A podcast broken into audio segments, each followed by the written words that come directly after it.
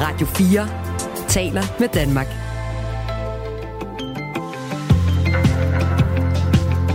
Velkommen til Radio 4 morgen. Godmorgen. Lad os lige øh, belyse, hvad der kommer til at udspille sig i den her time. For eksempel øh, tager vi jo øh, debatten lidt videre om en afgift på landbruget, en afgift på fødevarer produceret i landbruget, særligt kvæg, om det er vejen frem i forhold til at nå klimamålene. Det er Klimarådet, der spiller ud med 750 kroner per ton CO2, og den siger man nej tak til i landbruget. Der gav nogle reaktioner faktisk, den debat, der var før nyhederne. Ja, der er også en debat, der ruller på sms'en 1424. Øh, blandt andet skriver en, der har lyttet med, men har verdens stigende befolkning ikke brug for flere fødevarer og ikke færre, og er alternativet ikke øget rydning af regnskov med videre, som øger klimakrisen yderligere? Jan skriver, at man kan lave en lovgivning i stedet for en afgift, så landbruget er tvunget til at lægge om. Venlig hilsen, Jan. Og så er der Christian, der skriver, at man har flyttet al tøjproduktion ud af landet. Har det givet et lavere tøjforbrug? Måske finder vi ud af, at mælk og kød produceret i udlandet er billigere, og så bruger vi mere. Senere på morgenen, faktisk allerede om en halv time, er det Erling Bonnesen, som er miljø- og fødeoverfar... Fødefar. Undskyld. Fødevareordfører i partiet Venstre, der skal øh, krydse klinger med sine Munk, som er klimaordfører i SF. De står på hver sin side af den her øh, fine hvide linje. Det tør jeg godt love allerede nu. Klokken er syv minutter over syv. Det er Anne Philipsen og Kasper Harbo, der befolker morgenstudiet. Godmorgen. Du lytter til Radio 4 morgen. I hele landet oplever gæster på kirkegårde, at gravsteder bliver udsat for tyveri. En af dem er Susanne Andersen. Hendes søns gravsted på kirkegården i Rødovre er blevet udsat for tyveri flere gange på de bare tre måneder, der er gået, siden han pludselig døde. Ja, i første omgang, så var det to helt spritnye af de der lys, som man køber, og man kan tænde. Og så har jeg, han, han har haft ude i sin have, han har haft en keramik øh, paddehatte eller champion. Og den tog vi med. Der går ikke engang en uge, der går en 4-5 dage. Og så opdagede jeg bare, at den var væk. Det var bare 20 stjålet. Og jeg må nok indrømme, at jeg begyndte simpelthen at tudbrøle. Hans Henrik Nielsen er bestyrelsesmedlem i Landsforeningen af Menighedsråd. Godmorgen. Godmorgen. Hvor stort et problem er det? Ja, det er jo i hvert fald et problem, som vi oplever over hele landet. Altså, der er øh, formentlig tyverier på alle kirkegårde, hvis vi går strækket mange år tilbage og ser det. Og, og det er jo utrolig sørgeligt, at øh, folk de ikke kan lade ting være på, kirke, øh, på gravstederne. Fordi det betyder jo rigtig, rigtig meget for folk øh, hvad der nu står på gravstederne af forskellige pynt. Det kan vi jo bare høre her med Herren Andersen. Altså, det er jo, det er jo så umådeligt trist. Ja, Susanne. Få, ja, Susanne, øh, at øh, få sådan et øh, personligt øh, stykke gravpynt stjålet. Det, det, det er jo noget, som øh, rører ved ens følelser øh, i, i betydelig grad. Har du nogensinde talt med nogen, der har stået i den situation, at der er stjålet fra deres gravsted? Nej, det har jeg faktisk ikke. Øh, jeg, har, jeg er godt nok med i menighedsrådet i Måløv, øh, men jeg har ikke selv personligt talt med nogen, men jeg ved, at det, det er også sket en enkelt gang, øh, har jeg i hvert fald fået at vide på, på vores kirkegård. Og det, det, det, det, det er meget trist at høre. Det er det virkelig. Susanne Andersen, som vi hørte fra klippet før, hun har oplevet tyveri på hendes søns gravsted flere gange. Hun vil ikke have det mindste imod, at der kom overvågning på kirkegården. Jeg er bestemt ind for overvågning, det må jeg lige indrømme. Og dem, der kan se det der overvågning, det er jo kun personalet. Det er jo ikke alle andre, der kan se det. Hans Henrik Nielsen, hvad er det, der står i vejen for, at man kan overvåge, altså sætte video op på kirkegårdene? Altså, jeg, sy- jeg synes jo ikke, at kirkegårdene er et sted, hvor der skal være overvågning på. Kirkegårdene, det skal gerne være et fredfyldt sted, hvor folk de kan komme ind, og hvor de kan sørge, og hvor de kan mindes, og hvor de kan sætte sig ned og reflektere øh, over øh, deres pårørende, som de nu har på kirkegårdene, eller bare komme ind på en kirkegård, selvom de ikke selv måtte have nogen liggende øh, på kirkegården, og sætte sig ned stille og roligt og være i fred og vide, at de er for sig selv, og der er ikke nogen, som sidder og kigger dem over skulderen og følger, hvad der, hvad der foregår, øh, og hvad de laver på kirkegården. Det, ja, ja, det, det vil være meget ukirkegårdsagtigt at øh, have en overvågning over hele kirkegården. Hvad skal man så gøre? Ja, det er jo vanskeligt at gøre noget ved. Øh, fordi øh, Øh, kirkegården er jo et offentligt sted, og den er jo for heldigvis mange steder åben 24 timer i døgnet.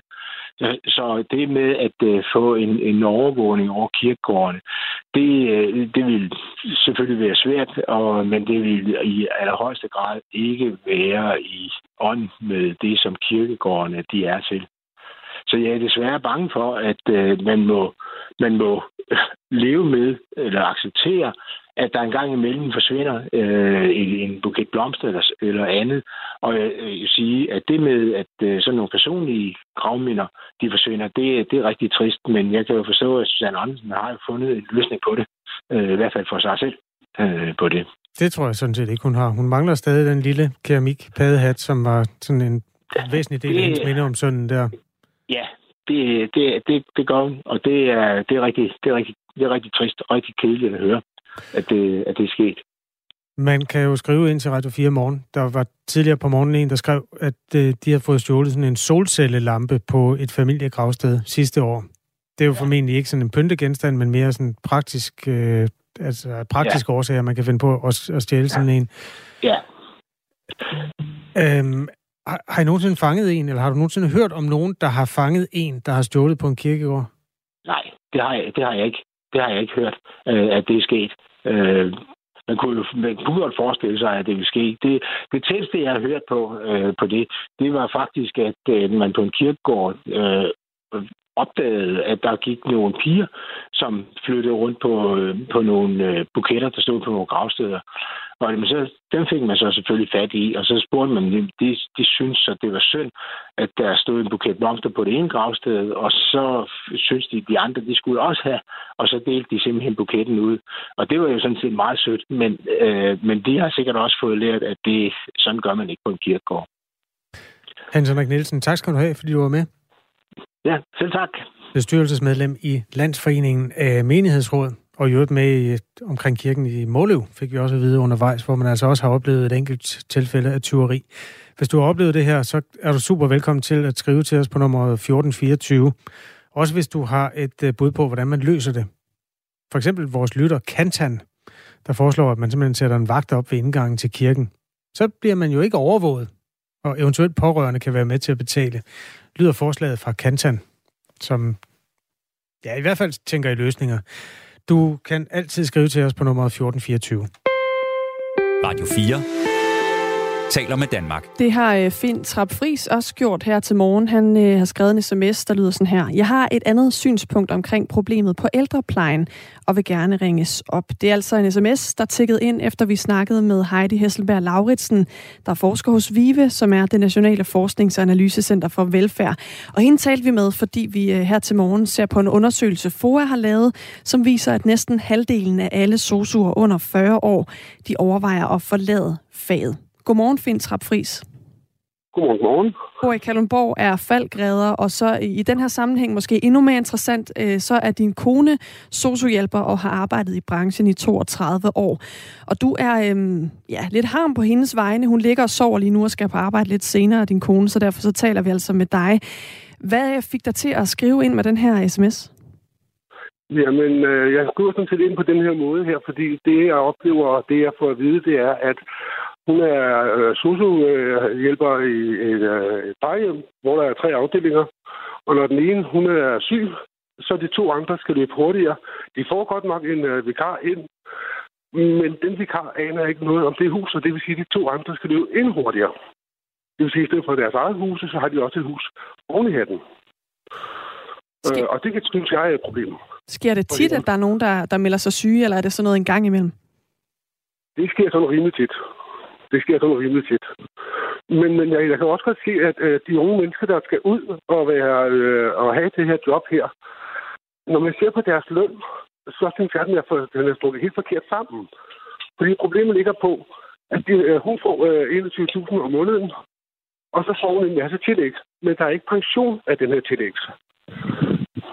Øh, og, og når man så kigger på pension, pinsom, som der har med dem at gøre, så er det sådan, så hvis en kone vi kender, døde tre måneder efter, så vil Pinton beholde alle pengene. Alle de penge, som hun i hendes overenskomst.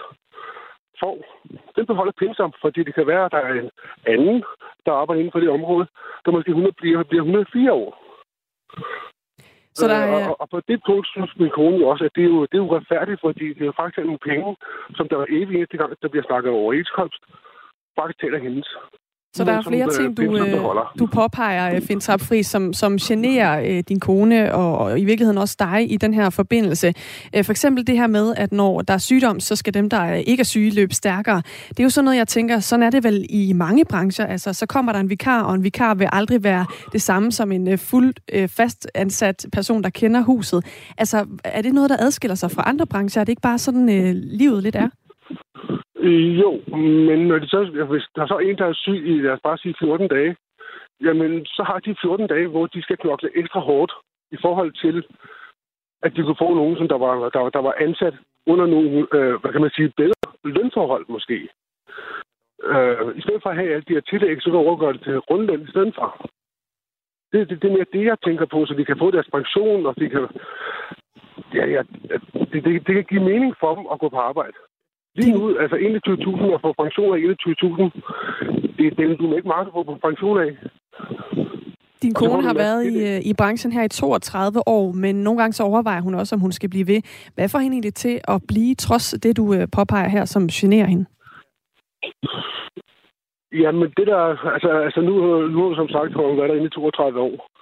Øh, og hun har måske øh, ikke så meget interesse i egentlig at komme ud på, på det andet ude. Øh, så hun bliver nok der, hvor hun er, kan jeg forestille mig. Det er i hvert fald, hvad hun selv har sagt. Men det irriterer hende, hver gang der bliver snakket overenskomster. Det irriterer hende, hver gang der, er, at der bliver snakket om, at, at, at der er nogen, der ikke vil øh, øh, tage de her uddannelser her, hvor jeg siger, åh, lad dem nu for helvede komme ud og få en god løn som os andre. En normal løn, i stedet for, at der skal være så meget psykotik med deres tillæg og ting og sager. Og, Jamen, jeg, jeg, jeg, jeg, jeg, bliver bare så vred nogle gange, når man tænker på, at der faktisk er muligheder for, at man kan gøre det anderledes. Og der har jeg jo så hørt fra FOA, altså hørt fra flere, øh, at det er jo simpelthen FOA, der, der, der, der holder lønnen lidt nede, i stedet for, som sagt, at give dem den fulde løn, så de kan få deres pension også, så de kan se fremad og sige, jo, jeg, jeg har sgu også øh, råd til at have pension, i også?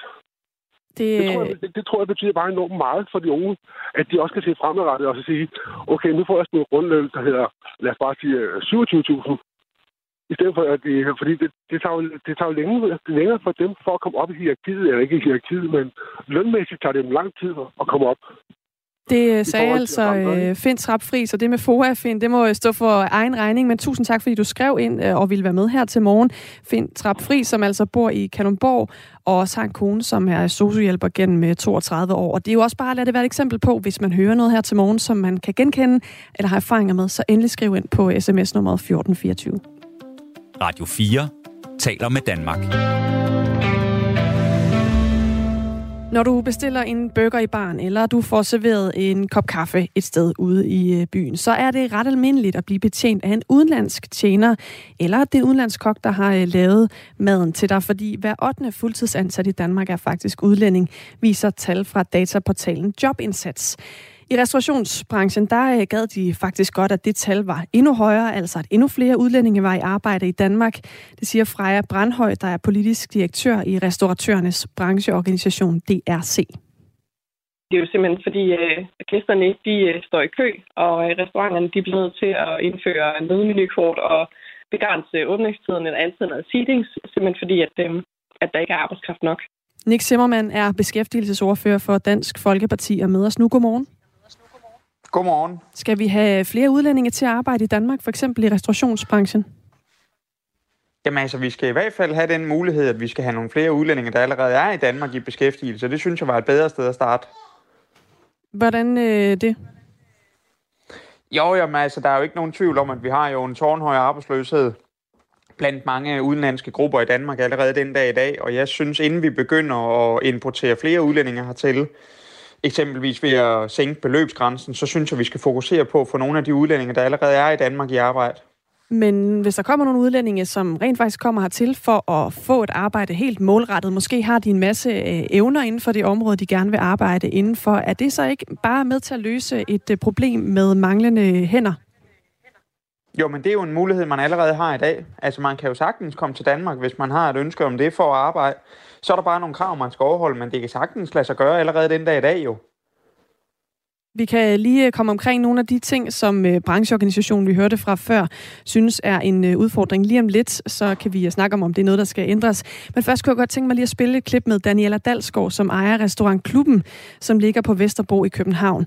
Hun siger, at hun oplever, at udlændinge de er langt mere villige til at arbejde, for eksempel i weekender eller på nogle af de skæve tidspunkter, hvis hun sammenligner med de danske tjenere og kokke danske, jeg synes nogle gange, de er meget, meget forkælde. Fordi de vil helst ikke arbejde så, så mange timer, ikke også? Og så de vil have deres øh, weekend øh, fri, så de begrænser mig faktisk, uh, hvordan de vil arbejde. Men en restauration begrænser ikke også. Nogle gange man skal kælde på en ekstra, og der er det ikke så meget for det. Det er fordi med, med ulandsk, ikke også? Altså, de, de, er, de er vant til at arbejde, ikke også? Og så er det ligger, hvis du kalder dem ved weekend, eller du, du kalder dem om aftenen, eller hvor du kalder tidlig om morgenen, ikke også? Så er ligesom, de er meget interesseret på at arbejde. Det er jo lidt en anden øh, historie, Nick Zimmermann, end den du startede med øh, at, at sige det her med, at øh, der var for mange øh, udlændinge, der ikke var i arbejde i Danmark, som man skulle starte med at fokusere på. Her hører vi altså fra en, der har faktisk har erfaringer med, at det er nogle øh, meget sådan, øh, arbejdsomme mennesker, hun øh, får ind i sin restaurant. Om altså, jeg vil sige, først og fremmest, så lød hende der, der er ikke særlig rar at arbejde for. Altså, øh, hun, øh, hun mente, at danskerne vil holde for meget fri i weekenderne. Det tror jeg nu er egentlig meget normalt, at danskerne gerne vil holde fri en Hvis man har en restaurant, så skal man jo bruge nogen, der kan arbejde i weekenderne.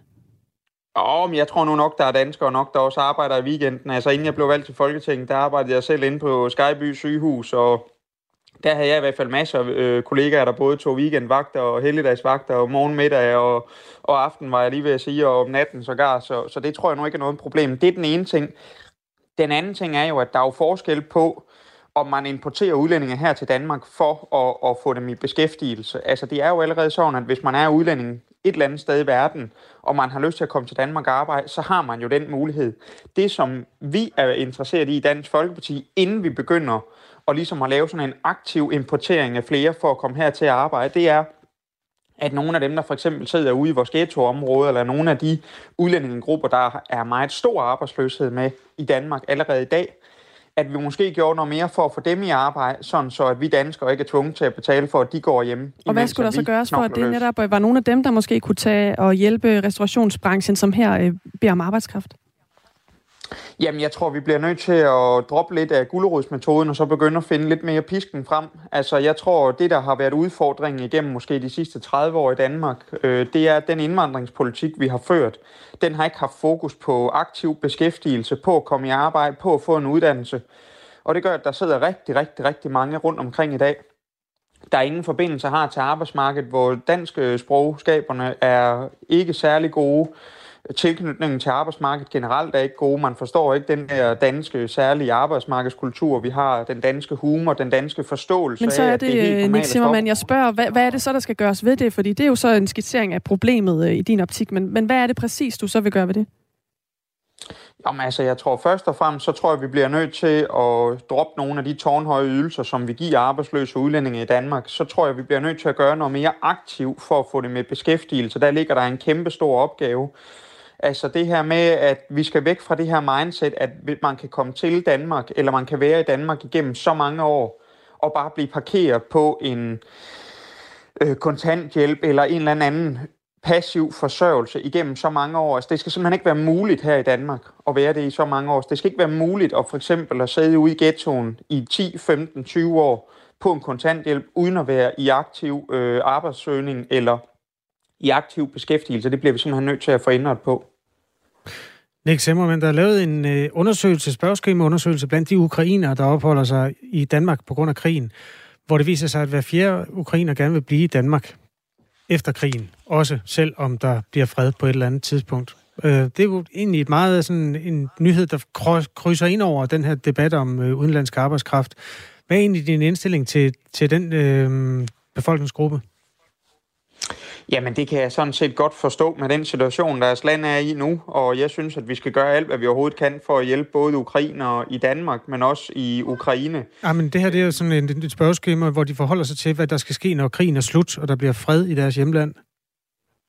Jamen, jeg kan sagtens forstå, hvis der er mange ukrainer, der gerne vil være i Danmark efterfølgende. Det har jeg fuld forståelse for. Der er jo kæmpe store øh, ødelæggelser i deres eget land lige nu, og der foregår jo rigtig mange ting, men det, det er svært for mig, og, og, og øhm, jeg har ikke set den undersøgelse, som, som du nævner der, men det kan jeg da sagtens umiddelbart øh, forstå, at der er nogen, der har, øh, der har det ønske helt klart. Nogle af de øh, lande, som andre udlændinge kommer fra, som du tidligere her før var lidt efter, fordi de måske ikke var i, i arbejde, har de ikke samme udgangspunkt, altså et land, der har været i krig, eller har været i en situation, hvor det i hvert fald ikke er, er det samme land, man vender tilbage til? Nej, det kan man ikke sammenligne, fordi øh, langt de fleste udfordringer, vi har med, med folk i Danmark, det er jo folk, der er anden, tredje og nu fjerde generations indvandrere. Det er faktisk dem, der har dårlig tilknytning til arbejdsmarkedet. Det er dem, der overrepræsenterer det i kriminalstatistikkerne. Øhm, så man kan sige, det er jo ikke noget at gøre med, hvad land man kommer fra, men det er i stedet for noget øh, med ja, som jeg siger, anden, tredje og fjerde generation. Øhm, så det, det er nogle helt andre udfordringer, der ligger der. Hvordan kan du egentlig vide, at det ikke har noget at gøre med det land, man kommer fra? Ja, man kan jo ikke komme fra et andet land, hvis man for eksempel er tredje generations indvandrer i Danmark. Men man så man kan jo vel have, opvokset her. have en baggrund, der gør, at man måske har haft nogle andre omstændigheder? Ja, ja, man har haft en anden baggrund. Det er ganske rigtigt, men det er jo også derfor, at vi har så store udfordringer i Danmark. Det er jo fordi, vi ikke tager fat på, på Nellens råd. Og det er jo, at vi bliver nødt til at føre en helt anden udlænding- og indvandringspolitik i Danmark, både i forhold til arbejdsmarkedsområdet, men også i forhold til, til alle mulige andre områder. Øhm, og det synes jeg i virkeligheden, det viser, når det er, at vi har så store udfordringer, så mange generationer igennem. Altså, det bliver jo ikke bedre for hver gang, at der er en ny generation inden for udlændingområdet. Altså, det er jo stadigvæk tårnhøje udfordringer inden for beskæftigelse, inden for kriminalitet, inden for, hvad kan man sige, samfund og kulturområdet. Altså, der er så store skæld, og det bliver vi nødt til aktivt at, at prøve at gøre noget ved. Og der synes jeg, der hviler regeringen en meget stor opgave.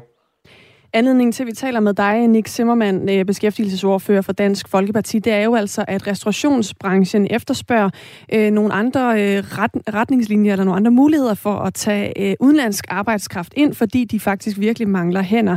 Noget af det, de øh, har brug for at blive ændret, det er beløbsgrænsen. Det er sådan den minimumsløn, en udenlandsk ansat skal have for at arbejde i Danmark. Øh, lige nu der er grænsen på 465.000 kroner om året. Øh, her har regeringen så planer om at etablere en ny supplerende ordning med en lavere beløbsgrænse. Øh, men hos brancheorganisationen Danske Restauranter og Caféer, der ser man gerne, at den her beløbsgrænse bliver sænket endnu mere, for man kan sikre mere af den udenlandske arbejdskraft, det siger politisk direktør Freja Brandhøj. Vi fik også stillet udsigt sidste år, at loven kom, øh, men at den kun ville blive midlertidigt tre år, og det ser ud til, at den faktisk nu bliver permanent. Så det er jo, øh, det er jo ret fantastisk. Man kan sige, det udfordrende er selvfølgelig, at øh, lige nu der står vi med en masse medarbejdere, som, øh, som bliver udvist af landet, og som er super dygtige, gode medarbejdere, som har været i Danmark i øh, otte år, som øh, vi er rigtig glade for som er, har fuldt integreret børn osv., og, og de bliver sendt hjem lige nu, fordi den her lov ikke er trådt i kraft. Så vi har virkelig også bare brug for, at den her lov, det start kommer, for nu har vi fået lovning på efterhånden i lang tid, at den var på vej. Nick Zimmermann, altså en øh, opfordring her fra brancheorganisationen til at ændre på nogle af de ting, der gør, at de mennesker, der også allerede i dag er her for at arbejde i øh, landet som udenlandsk arbejdskraft på restaurationsområdet, de faktisk kan blive. Hvad tænker du om det? Ja, det synes jeg, det ikke er nogen særlig god idé, da. Fordi så er det jo sådan, at hele verden kan komme her til Danmark, og så fordi de er i beskæftigelse, så øh, kan de få lov at være her for tid og evighed. Det synes jeg absolut ikke er godt. Altså, vi skal jo huske den sammenhængskraft, som vi har i Danmark, den har vi jo, fordi at vi er, hvad kan man sige, vi er dansk folk, og, og, og vi er danskere på kryds og på tværs. Men det her med at åbne vores land fuldstændig frit op med det eneste krav, at man bare skal være i beskæftigelse, så kan man sådan set være her for tid og evighed. Det, det synes jeg, det er ikke er nogen særlig god idé. Vi øh, har fået en sms fra Linnea, der skriver, en udlænding er jo ikke bare en udlænding, ligesom en dansker ikke bare en dansker. Folk er forskellige, så man kan ikke få enhver herboende udlænding i arbejde ved at hindre andre udlændinge i at komme her og arbejde. Vi har et minut til nyhederne, Nick Zimmermann, men øh, hvad vil du sige til Linnea? Jamen det vil jeg sige, at det, det er da selvfølgelig klart. Altså, der er jo ja, lige så stor forskel på, på alle mulige andre folk, som der er på, på danskere. Så det, det er jo selvfølgelig rigtigt nok. Men altså, man kan sige, at det vigtigste for mig, det er at passe på Danmark og sætte danskerne først i enhver henseende, også i forhold til arbejdsmarkedet. Tak fordi du var med øh, her til morgen. Selv tak. Hej hej.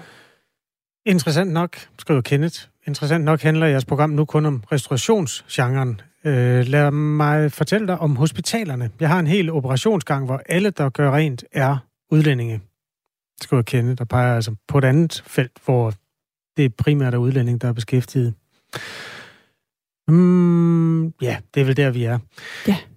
Efter nyhederne debat om en afgift kan få landmændene til at lægge deres produktion om, så man sender mere CO2 ud i atmosfæren. Den tager vi om fire minutter. Klokken er halv otte. Nu er der nyheder på Radio 4. Tre personer meldes dræbt efter endnu et jordskælv i går ramte Tyrkiet, der i forvejen kæmper med følgerne af to store jordskælv, der skete i begyndelsen af måneden. Det meddeler det tyrkiske indrigsministerium ifølge Reuters. 213 personer meldes såret efter skælvet, som havde en styrke på 6,4, og en siger til Reuters, at skælvet kunne mærkes i både Syrien, Ægypten og Libanon. De voldsomme jordskælv, der ramte Tyrkiet og Syrien i begyndelsen af måneden, havde en styrke på 7,8 og 7,5. Flere ukrainere, der er kommet til Danmark som følge af krigen i Ukraine, ønsker at blive i Danmark selv efter krigens afslutning. Det viser en ny undersøgelse, som Udlændinge- og Integrationsministeriet har offentliggjort. Konkret er det 37 procent, eller knap 4 ud af 10 voksne, der i undersøgelsen svarer, at de ønsker at blive boende i Danmark, også når krigen er slut. I alt er omkring 30.000 ukrainere kommet til Danmark i forbindelse med Ruslands invadering af Ukraine. 17.126 af dem er voksne over 18 år, som har fået opholdstilladelse. Godt og vel 4.500 kroner. Det er, hvad man kan forvente at få udbetalt ekstra hvert år, hvis man har en årsløn på 400.000 kroner og arbejder i industrien. Det viser en beregning, som pensionsselskabet PFA har foretaget for Ritzau. Den overenskomst, som industriens parter blev enige om søndag, betyder nemlig blandt andet, at pensionsindbetalingen skal ændres. Her skal arbejdsgiverne fremover indbetale 10% og medarbejderne 2%. I dag betaler arbejdsgiveren 8 og medarbejderen 4%. Og med en årsløn på 400.000 kroner betyder det, at man får udbetalt 4.585 kroner ekstra årligt, hvis man som ansat er en del af overenskomsten. Det svarer til ca. 380 kroner om måneden. Og for nogen så vil det være et betydeligt beløb, vurderer privatøkonom Camilla Sjølin Poulsen fra PFA. Jeg betror, der er rigtig mange danske familier, der sætter pris på at få en lille håndsrækning til de stigende udgifter, de har gennem det sidste års tid. Øh, man skal huske på, at i mange husstande er der to parter, der arbejder, og dermed kan man så gange det her beløb med to. Så jeg vurderer samlet set, at det er noget, der godt kan mærkes i den økonomi, som øh, de fleste danske familier har.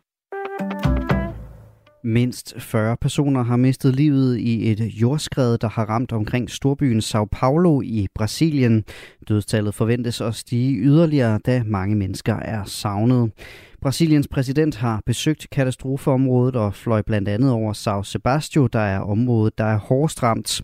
39 af dødsfaldene er rapporteret fra netop den by. Her i Danmark er vi vant til ræve, ender og af og til forskellige former for råvildt, når vi går ture i parkerne. Men i New York var der i søndags tale om et lidt andet dyr, der dukkede op i Prospect Park. En 1,2 meter lang alligator blev reddet op af parkens sø. Dyret var ille tilret og blev beskrevet som sløvt af parkmyndighederne, der hjalp den op, det skriver The Guardian. Den trætte alligator kan have fået et kuldechok, lyder det. Det er uvist, hvor alligatoren kommer fra, men den formodes at være efterladt af sin ejer i parken. Alligatoren er blevet fragtet til Bronx Zoo, hvor den skal rehabiliteres. Og så napper vi også lige en vejrudsigt. Mest skydevejr i dag, men især i de nord- og østlige egne også mulighed for lidt eller nogen sol. Temperaturer mellem 5 og 8 grader. Vinden den bliver jævn til hård fra vest og nordvest. I løbet af dagen aftager vinden og bliver svag til jævn fra forskellige retninger. Således et nyhedsoverblik her på Radio 4 med Asbjørn Møller. Du lytter til Radio 4 morgen. Husk, du kan skrive en sms til os på 1424. Danmark har et mål om at udlede mindre CO2. Helt præcis skal udledningen af drivhusgasser være faldet med 70 procent, når vi når til år 2030. Det er jo altså allerede om syv år. Klimarådet øh, kigger på, en, øh, på de her tal og kom i går med en analyse, hvor man foreslår en drivhusafgift på 750 kroner per ton udledt CO2. De skal betales af den landmand, for eksempel, der udleder dem. Derudover skal landbruget også skære ned på antallet af køer og grise, og der er altså dermed også nogle landmænd, der må finde sig noget andet at lave. Erling Bonnesen er Miljø- og Fødevareordfører i Venstre. Godmorgen. Ja, godmorgen. Du mener ikke, det er en god idé at indføre en klimaafgift på 750 kroner per ton. Hvorfor ikke? Jamen, der kommer en øh, CO2-afgift på, øh, på landbruget. Det har et stort øh, flertal i Folketinget besluttet, og det arbejder vi også efter. Det, der er vigtigt, det er jo, at øh, vi får den indrettet således, at øh, man får udvikling og ikke afvikling. Vi skal jo ikke have hverken landbrug eller erhverv arbejdspladser ude øh, af landet. Øh, og den størrelse, som vi så har hørt, den slår jo erhvervet ihjel både to-tre gange på, på samme dag. Så det tror jeg, de fleste er med på. Det, det er jo ikke lige måde at gøre det på lige nu, men vi skal ind i et udviklingsspor, sådan at vi jo kan fortsætte den grønne øh, omstilling, som også er sat i gang med flere plantebaserede fødevarer. Så vi skal kort og godt satse på både øh, grøn omstilling, flere plantebaserede fødevarer, og så også passe på det, vi har omkring den animalske produktion, og så fortsætte den videreudvikling, som allerede er sat i gang al den udvikling, som du også efterspørger, Erling Bonnesen, den er fra Miljørådet øh, til, eller fra Klimarådet tænkt, at øh, den kommer nok lidt hurtigere, hvis man har en CO2-afgift på 750 kroner per ton hængende over hovedet. Det er sådan en pisk og en gulerod på en gang, at hvis man lægger om til nogle smartere, øh, mindre øh, sådan klimagasudledende produktionsmetoder eller fødevarer, så vil man skulle betale mindre i CO2-afgift. Det system, anerkender du det?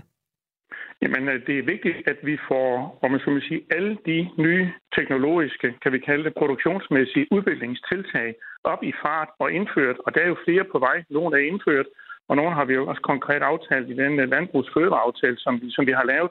Men man skal jo ikke, kan vi så sige, over hals og hoved indføre en afgift, som bare jager produktionen ud af landet. Vi skal have, så at sige, de ting til at stemme sammen, så det ikke bliver enten eller, men øh, både og, som jeg også forklarede lige før, at vi skal sikre, at vi har produktionen med os, og fortsætte videreudvikle den, så vi stadigvæk er blandt de allerbedste i verden til at producere fødevarene, både okay. på så vidt angår det plantebaserede og den animalske kødproduktion. Nu skal du bare sådan lige, vi skal lige holde det kort her, fordi vi skal også have SF's uh, øh, sine Munk på om lidt, men sig lige et tal så. Hvis ikke det må være 750 kroner, helt præcist, hvad skal det så være? Jamen, øh, det tager vi ved forhandlingsbordet. Øh, det vil vi ikke stå og klare af midt i et debatprogram. Det er fint, vi får det debatteret. Jamen, det er et meget, meget langt svar, det der. Vi tager simpelthen øh, Signe Munk ind nu, klimaordfører i SF. Godmorgen. Godmorgen. Har Erling Bonnesen fat i den rigtige ende i forhold til, at en afgift jo kan ødelægge dansk landbrug? Nej, det mener jeg ikke. Hvorfor Men ikke? selvfølgelig bliver vi nødt til at være, være ærlige i den her diskussion. Når vi har et landbrug, som fylder 60 procent af det danske areal. Det er simpelthen dem, der fylder allermest i Danmark. Og ikke har reduceret drivhusgasudledning betragteligt i 10 år. Men så er der jo en model i dag, som vores klima ikke kan holde til, og vores miljø kan faktisk heller ikke holde til den, og derfor bliver der nødt til at blive ændret i den måde, man producerer på, og der vil også være nogle landmænd, som ikke længere skal gøre det, de gør i dag. Og det er det ærlige svar, hvis man vil nå klimamålet, hvis man passer på vores vandmiljø.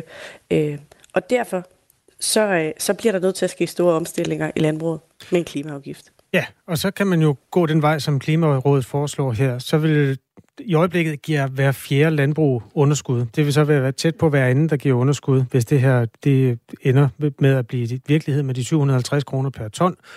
Og flere danske landbrug vil lukke det er ikke sikkert, at vi vil spise mindre bacon eller drikke mindre mælk, men så vil vi købe det. Så vil det sikkert produceret i Polen eller Tyskland eller et eller andet andet sted, hvor det er nemmere at, at drive landbrug uden at få afgifter i hovedet.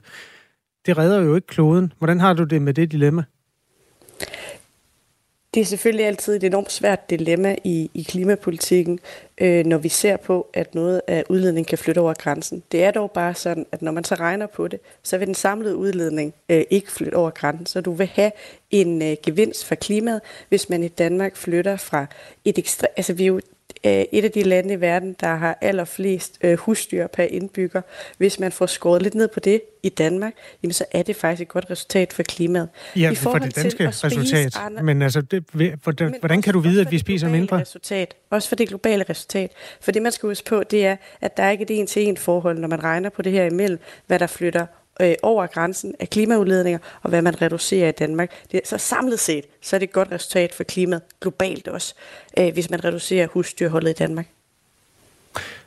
Erling Bonnesen, øh, det var dig, der bragte det argument på banen, så du skal næsten lige have lov at svare. Altså, hvis man øh, lukker halvdelen af dansk landbrug, så vil der generelt set på hele jordkloden blive spist mindre landbrugsprodukter. Øh, hvad svarer du til det? Ah, den køber jeg ikke, fordi vi skal være klar på, at øh, der bliver flere og flere mennesker på, på kloden. Der er også rigtig, rigtig mange mennesker, som stadigvæk går sultne i seng. Det er ikke godt, så vi har også brug for flere fødevarer og ikke færre. Og derfor er det godt, at vi jo øh, samler om i landbrugsaftalen og få sat de her udviklingsspor i gang, som vi også allerede jo følger op øh, på nu, for så vidt angår både det plantebaserede og den animalske kødproduktion. Så vi kan sige, det siger jo sig selv, at øh, når man skal have mad på bordet, og danskerne vil jo have et varieret øh, måltid, jamen så vil det jo resultere i, at man bare jager den, øh, den danske produktion ud af landet, hvis det er, at man kommer bullerne med en for høj afgift fra start. Så det, der er vigtigt, det er at få de her ting afstemt, sådan at vi stadigvæk øh, passer på vores erhverv, stadigvæk er i en udvikling, stadigvæk booster den øh, grønne øh, omstilling.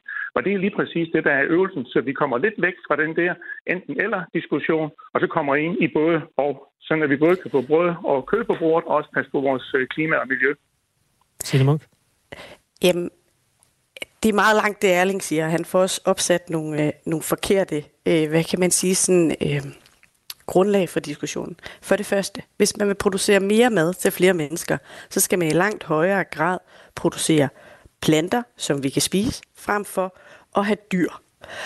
Og det, som en klimaafgift vil gøre, det er jo netop, at det vil skubbe på for, for nogle landmænd, hvor, hvor resultatet som vil være, at det er faktisk bedre for mig at have en planteproduktion, end for eksempel en kvægeproduktion.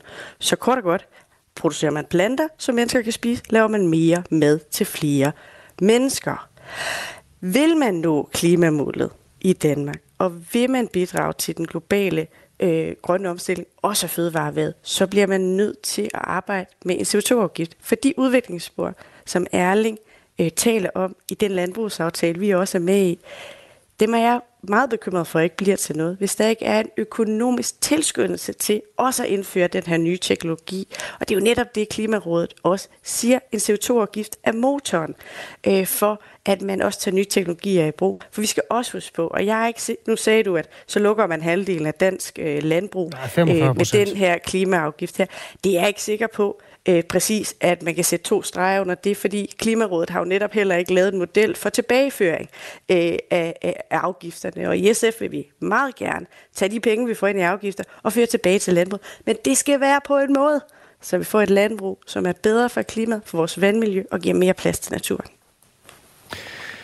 Øhm, lad os lige høre fra Jette Bredal Jacobsen, som er næstformand i Klimarådet. Altså, landbruget formodes jo at komme til at stå for 40 procent af den samlede danske CO2-udledning i 2030, fordi vi har løst en masse andre ting, blandt andet i forhold til transport og boliger osv. Ifølge Klimarådet er det ikke nok med teknologiske løsninger. Danmark skal altså reducere udledningerne, blandt andet ved at øh, ja, altså lægge en afgift på. Hun sagde sådan her. Der er ikke det, vi kalder omstillingselementer, altså tekniske måder, vi kan reducere udledningerne på, som er velkendte og vedtaget nok til, at vi når de klimaambitioner, der er for 2030. Og det vil sige, at der er brug for øh, strukturel omstilling, øh, og der er brug for udvikling af nye teknologier, øh, hvis man skal nå klimamålsætningerne.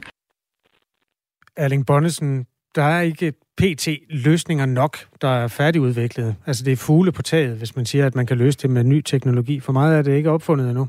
Hvad siger du til det argument?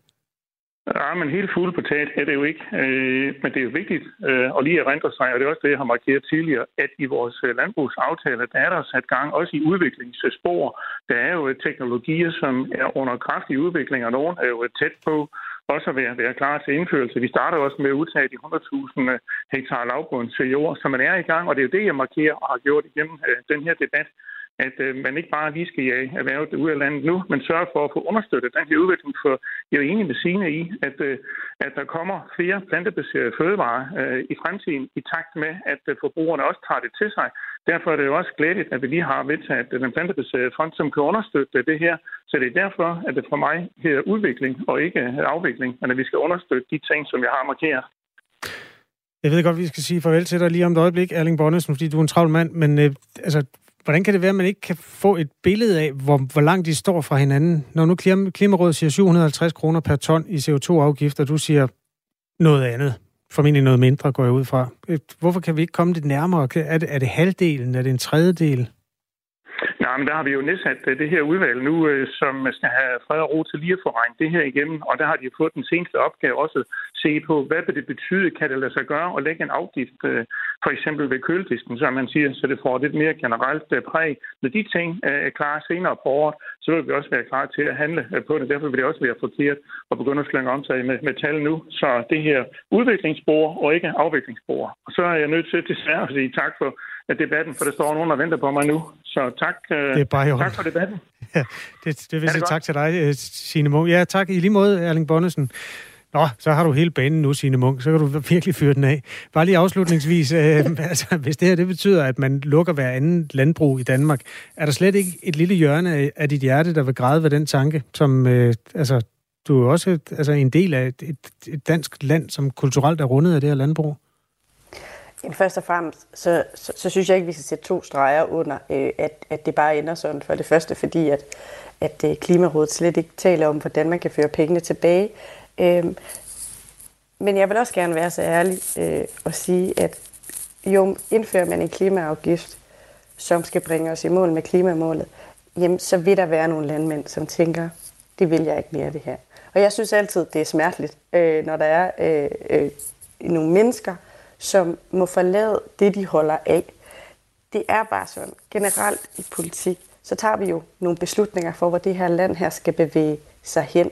Og der er nogle mennesker, der må skifte job. Sådan har det været helt historisk øh, sådan i dansk erhvervsudvikling. Øh, den sidste aftale, som Venstre også er med i på grøn skattereform, betyder altså også, at der øh, er nogle fiskere, som må sige, jamen på grund af den CO2-afgift, der kommer, jamen så vil de ikke være fiskere mere. Altså så bare for at sige, det er ikke usædvanligt, at politik fører til, at der er nogle mennesker, der træffer andre beslutninger. Hele pointen med en mm. CO2-afgift er jo også, at flere landmænd, som har kvæg og svin i dag, ønsker at producere, eller kommer til at vælge at producere planter i stedet for. Nogle andre øh, kan også øh, ende med at træffe nogle andre beslutninger. Der er mange muligheder på vej. Øh. Ved du, ja, øh, hvad er du glad for, at Erling Bonnesen er gået? Fordi ellers har han svaret på det der, øh, Signe Munk. Øh. Men det er der ingen skam i, fordi vi skal have en, en god debat omkring det her. Men, øh, ja. ja, det øh, er jeg meget enig i. Jeg er også glad for, at I vil tage den her hos os. I hvert fald sådan toppen af isbjerget i første omgang. Mm. Tak for i dag. Jamen selv tak, og, og god dag til jer. Tak skal du have. Signe Munk er øh, klimaordfører hos SF, og Erling Bonnesen, den travle mand, han er miljø- og fødevareordfører hos partiet Venstre. Landbruget i Danmark udleder hvert år omkring 16 millioner tons CO2, og det betyder, hvis det her med 750 kroner per ton bliver virkelighed, så får hele landbruget en regning på 12 milliarder kroner. Og og der er mange typer landmænd, og derfor kan man ikke smøre det sådan helt jævnt ud. Men hvis nu man siger, at det er hver landmand, der skal dele den her, eller de skal tage lige meget hver, så vil en, en enkelt landmand med en fuldtidsbedrift ende med en årlig ekstra regning på 1,6 millioner kroner. Og det er selvfølgelig noget, der kommer til at ramme hårdt. Det var vist bare det, der var at sige til øh, landbruget i første omgang. Eller er der noget sms, vi skal tage med? Mm, jeg kigger lige en gang her. Der er mange aspekter af det her jo. Der er en, der skriver, at landbruget skal vel kun betale for deres nettoudledning, og den er ret beskeden. Hver eneste kulstofatom, vi spiser, er jo blevet suget ud af atmosfæren af planterne. Det gælder også det kød, vi spiser. Dyrene har jo spist planter. Landbrugets udledning kommer kun fra de maskiner, der kører på fossile brændsler og den naturbaserede kunstgødning, der anvendes. Sidst, men ikke mindst, så vil det blot være en ekstra skat på fødevarer. Men okay, så må vi spise mindre, og samfundet kan droppe det påtænkte lovkrav om, at alle stole skal kunne bære 250 kilo lyder det fra Bjarne Holm fra øh, Hillerød. Som det er altså, to fluer med et smæk. Ja, mindst. Eller flere. Tak for sms'er. 1424 skal man sende den slags til. Klokken er 12 minutter i 8. Du skal lytte til Overskud, fordi du bliver klogere på din egen økonomi. Vært Sofie Østergaard hjælper dig med at få mest muligt ud af dine penge. Jeg tror nærmest ikke, det har været vigtigere at gå op i sin økonomi, end det er lige nu. Derfor får du de bedste råd fra vidne gæster og eksperter i Overskud på Radio 4. Selv den mindste økonomi, der kan man altså finde en lille bitte smule at rykke rundt på. Lyt til Overskud i dag kl. 13.05. Mine tre bedste råd, det er gør det, gør noget og gør det nu. Radio 4 taler med Danmark. Tyrkiet er igen ramt af et jordskælv, som vi skal øh, se nærmere på nu. Det ramte i aftes, og det målte 6,3 på Richterskalaen, og dermed så var det et øh, noget mindre jordskælv end det, der ramte landet for lidt over to uger siden, natten til den 6. februar, som målte 7,8, og som jo virkelig også har ført mange skader øh, med sig. Men det har det her øh, jordskælv faktisk også. Trine Dahl Jensen, godmorgen. Godmorgen. Seniorforsker ved GEUS, som er øh, de nationale geologiske undersøgelser for Danmark og Grønland. Hvad ved vi om det her nye jordskælv?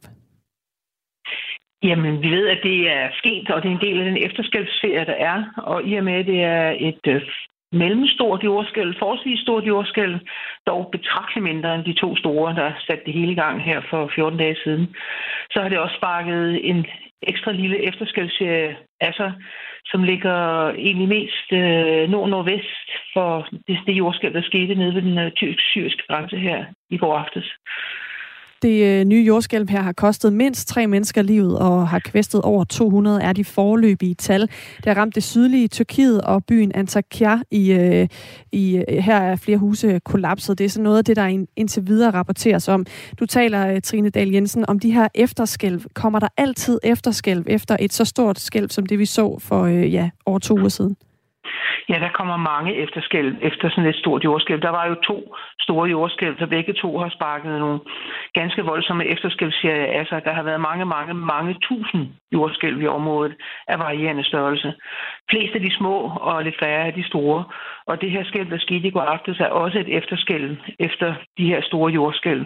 Det er sket på den samme forkastnings den østanatolske forkastning, som øh, det første store jordskælv på 7,8 skete der natten til mandag den, den 6.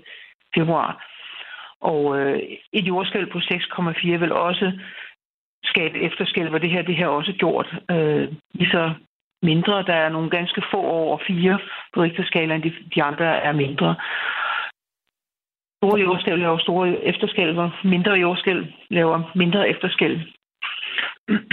Er det øh, sådan, at man på et tidspunkt kan begynde at være, vide sig sikker på, at der ikke kommer flere efterskælv? Altså, hvornår er der sådan mere sikkert i området igen?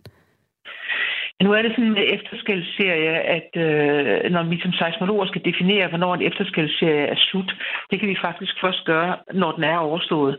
Fordi definitionen på, hvornår den er overstået, er, når det er tilbage til normalen. Vi er på ingen måde tilbage til normalen i Tyrkiet endnu. Altså hvis man kigger på en oversigt over den tidslige udvikling af efterskæld, så er der langt igen, før man er tilbage til normalen. Men statistisk set, så bliver de jo mindre og mindre med tiden. Så det bliver færre, og der kommer ikke så mange af de store med tiden.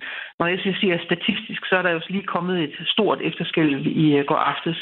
Og det er jo de ting, der også sker i sådan en efterskælvserie. Det har vi set mange gange, at der kommer lige pludselig et stort jordskælv i sådan en efterskælvserie. Jeg kan desværre ikke sige, at der ikke kommer flere større. Jeg håber det virkelig ikke, men det kan jeg ikke love, at der ikke gør.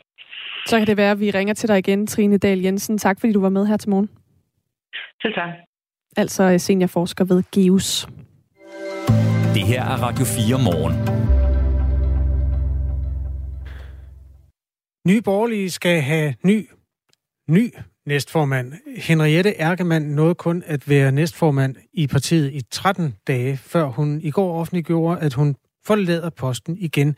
Hun skriver i et opslag på Facebook, at hendes tidligere udtalelser skader partiet, at hun derfor ser det som det bedste for partiet at forlade posten. Henriette Erkemann har blandt andet tidligere skrevet på Facebook, at øh, hun har oplevet blødninger, når hun var sammen med et menneske, der var vaccineret mod corona.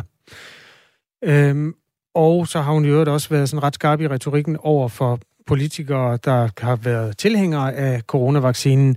Hun har kaldt den tidligere minister Karen Hækkerup for en sindssyg kælling og skrevet, at hun skal i fængsel for mor på uskyldige børn.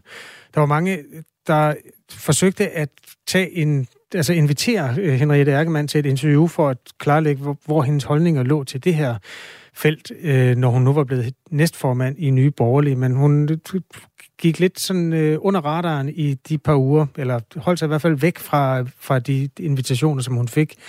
Og øh, ja, nu er hun altså forhåndværende som næstformand. Vi har Rune Bønnelykke med som er bestyrelsesmedlem i Nye Borgerliges hovedbestyrelse, og øh, også sidder i byrådet i Vejle Kommune. Godmorgen, Rune Bønnelykke. Godmorgen. Godmorgen. Hvad siger du til, at hun har valgt at trække sig som næstformand? Jamen, øh, først tak for spørgsmålet, fordi det er jo et virkelig et, øh, et simpelt og nemt spørgsmål, men lige nøjagtigt det der, der har jeg ingen kommentar til. Det, øh, det må Henriette selv kommentere på. Du stillede jo også op til posten faktisk som næstformand, og derfor har du, er du af flere grunde interessant at tale med her. Så det er sjovt, du siger, at du, du ikke har nogen kommentar. Vil, vil du ja. sige, hvorfor du ikke har nogen kommentar? Nej, fordi det har, jeg har ikke nogen indflydelse på, hvorfor hun er trådt tilbage, så det synes jeg skal stå for, for hende selv. Hvorfor hun har valgt at træde tilbage, det, det skal jeg ikke kunne kommentere på. Okay. Øhm, ved du, om I i hovedbestyrelsen har haft et ønske om, at hun trådte tilbage som næstformand? Der er heller ikke nogen kommentar til. Okay, så hvis I ikke havde noget ønske om det, så kunne du jo bare sige det nu, hvis du vil. Men det, der, der er slet ikke nogen kommentar? Nej, ikke, ikke den. Nej, det er der ikke. I januar fortalte Pernille Vermund jo, at hun trak sig som formand. Det har hun jo bebudet for lang tid siden, at hun ville øh, vælges ind to gange, og så var det ligesom det. Efterfølgende trak også Peter Seier Christensen sig, øh, og der er flere partiers, øh, flere af nye borgerlige partiprofiler, der har forladt partiet. Nu står I så uden en næstformand. Hvordan har du det med den sådan organisatoriske situation? Jamen, umiddelbart er det jo øh, ikke noget, jeg vil udtale mig om, fordi der er jo en organisatorisk opgave, der er i det her. Men øh, umiddelbart så er det ikke noget problem, at det ser sådan ud. Men det er ikke noget, jeg kan udtale mig om heller her. Det er sådan, jeg egentlig kan udtale mig om, og ja, det... en af grundene til, at jeg sagde ja til at sidde her i dag. Og, øh, og det vil jeg da gerne starte med at sige, at, at personligt har jeg jo det her princip, at jeg udtaler mig aldrig negativt om nogen navngivende personer i offentligheden, og slet ikke på sociale medier. Men jeg har jo oplevet en voldsom og mangfoldig anklage, altså jeg vil næsten sige sjovle anklager imod min person på Facebook, som blandt andet vedrører et læg til pressen, men jeg har ikke på noget tidspunkt tilstræbt, at nogen informationer skulle ud i pressen. Så det jeg egentlig vil sige, det er, at dem, der leverer de her historier, afspejler vel mere, øh, hvad der er, der sker. Gud, er det kryptisk, det du siger nu, Rune Bønnelægge. Der er nogen, der, der bagtaler dig på internettet og lægger ting til pressen. Hvem er det? Jeg kender ikke personerne, så øh, jeg ved det ikke, men øh, okay. jeg tager kraftigt afstand til det i hvert fald. I virkeligheden er vi jo meget interesserede i, hvordan nye borgerlige sådan, hvad skal man sige, vil øh, organisatorisk komme videre, for at I sådan kan komme igennem med den politik, som I jo også har. Det var også noget, det mm. Henriette Erkemann skrev på Facebook. Hun mm. var ked af, at hun havde stået i vejen med alt det der, hun havde sagt om coronavirus, fordi så var der ikke rigtig plads til at tale om politik. Mm. I har jo været et meget veldrevet parti med en sådan, Pernille Vermund i front, god gennemslagskraft, og I har haft en næstformand i Peter Sejer, der har været god til at organisere partiet. Så har der været en Lars mm. Bøje, der var god til at komme i medierne.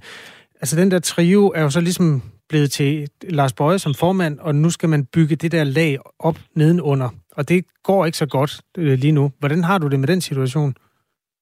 Om jeg siger ikke, der er nogen problemer ved det angår. Det er heller ikke noget, at jeg egentlig har tænkt mig at kommentere på i dag overhovedet Nej, okay. det her. Og jeg kan jo heller ikke se, at der er noget problem i at skabe noget nyt. Det skal man ikke være bange for. Og det er jo Bestemt det, vi ikke. står for som partiet også. Ikke? også så, ja.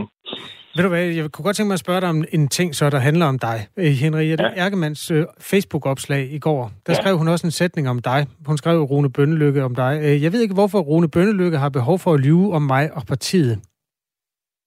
Nej, jeg kan jo ikke... Altså påstanden om, at jeg skulle have løjet omkring Henriette og Henriettes øh, person, for mig er det fuldstændig absurd og i sig selv komplet usandt. Hun har også slettet sætningen efterfølgende. Har I haft en dialog om den sætning? Øh, jeg har overhovedet ikke haft dialog med nogen omkring det her, men øh, man kan jo tænke sit, til den er blevet slettet. Okay.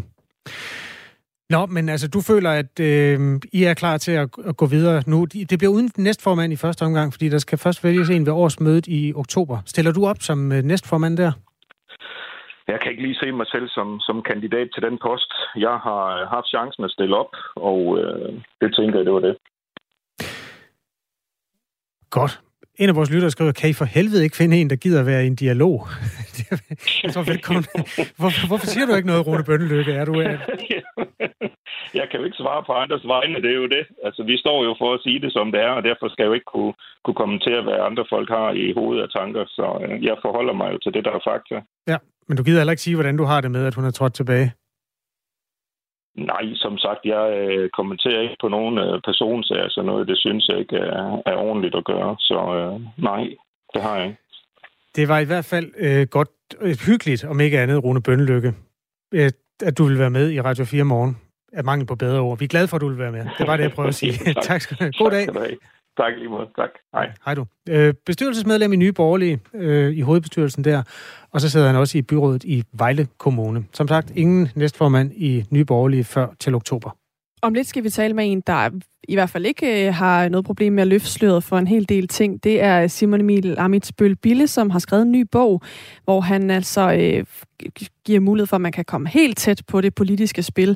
Øh, referater fra hemmelige møder, sms'er mails og øh, den slags har han øh, refereret til i den her bog, som øh, udkommer i dag, og som vi skal tale med ham om øh, om lidt. Det er jo også lidt nemmere, når man ikke længere er i politik, ikke? 100 procent. Så sikkert en pose, de har, de skal ja, så kan de lufte. Det er Radio 4 morgen, klokken er 8.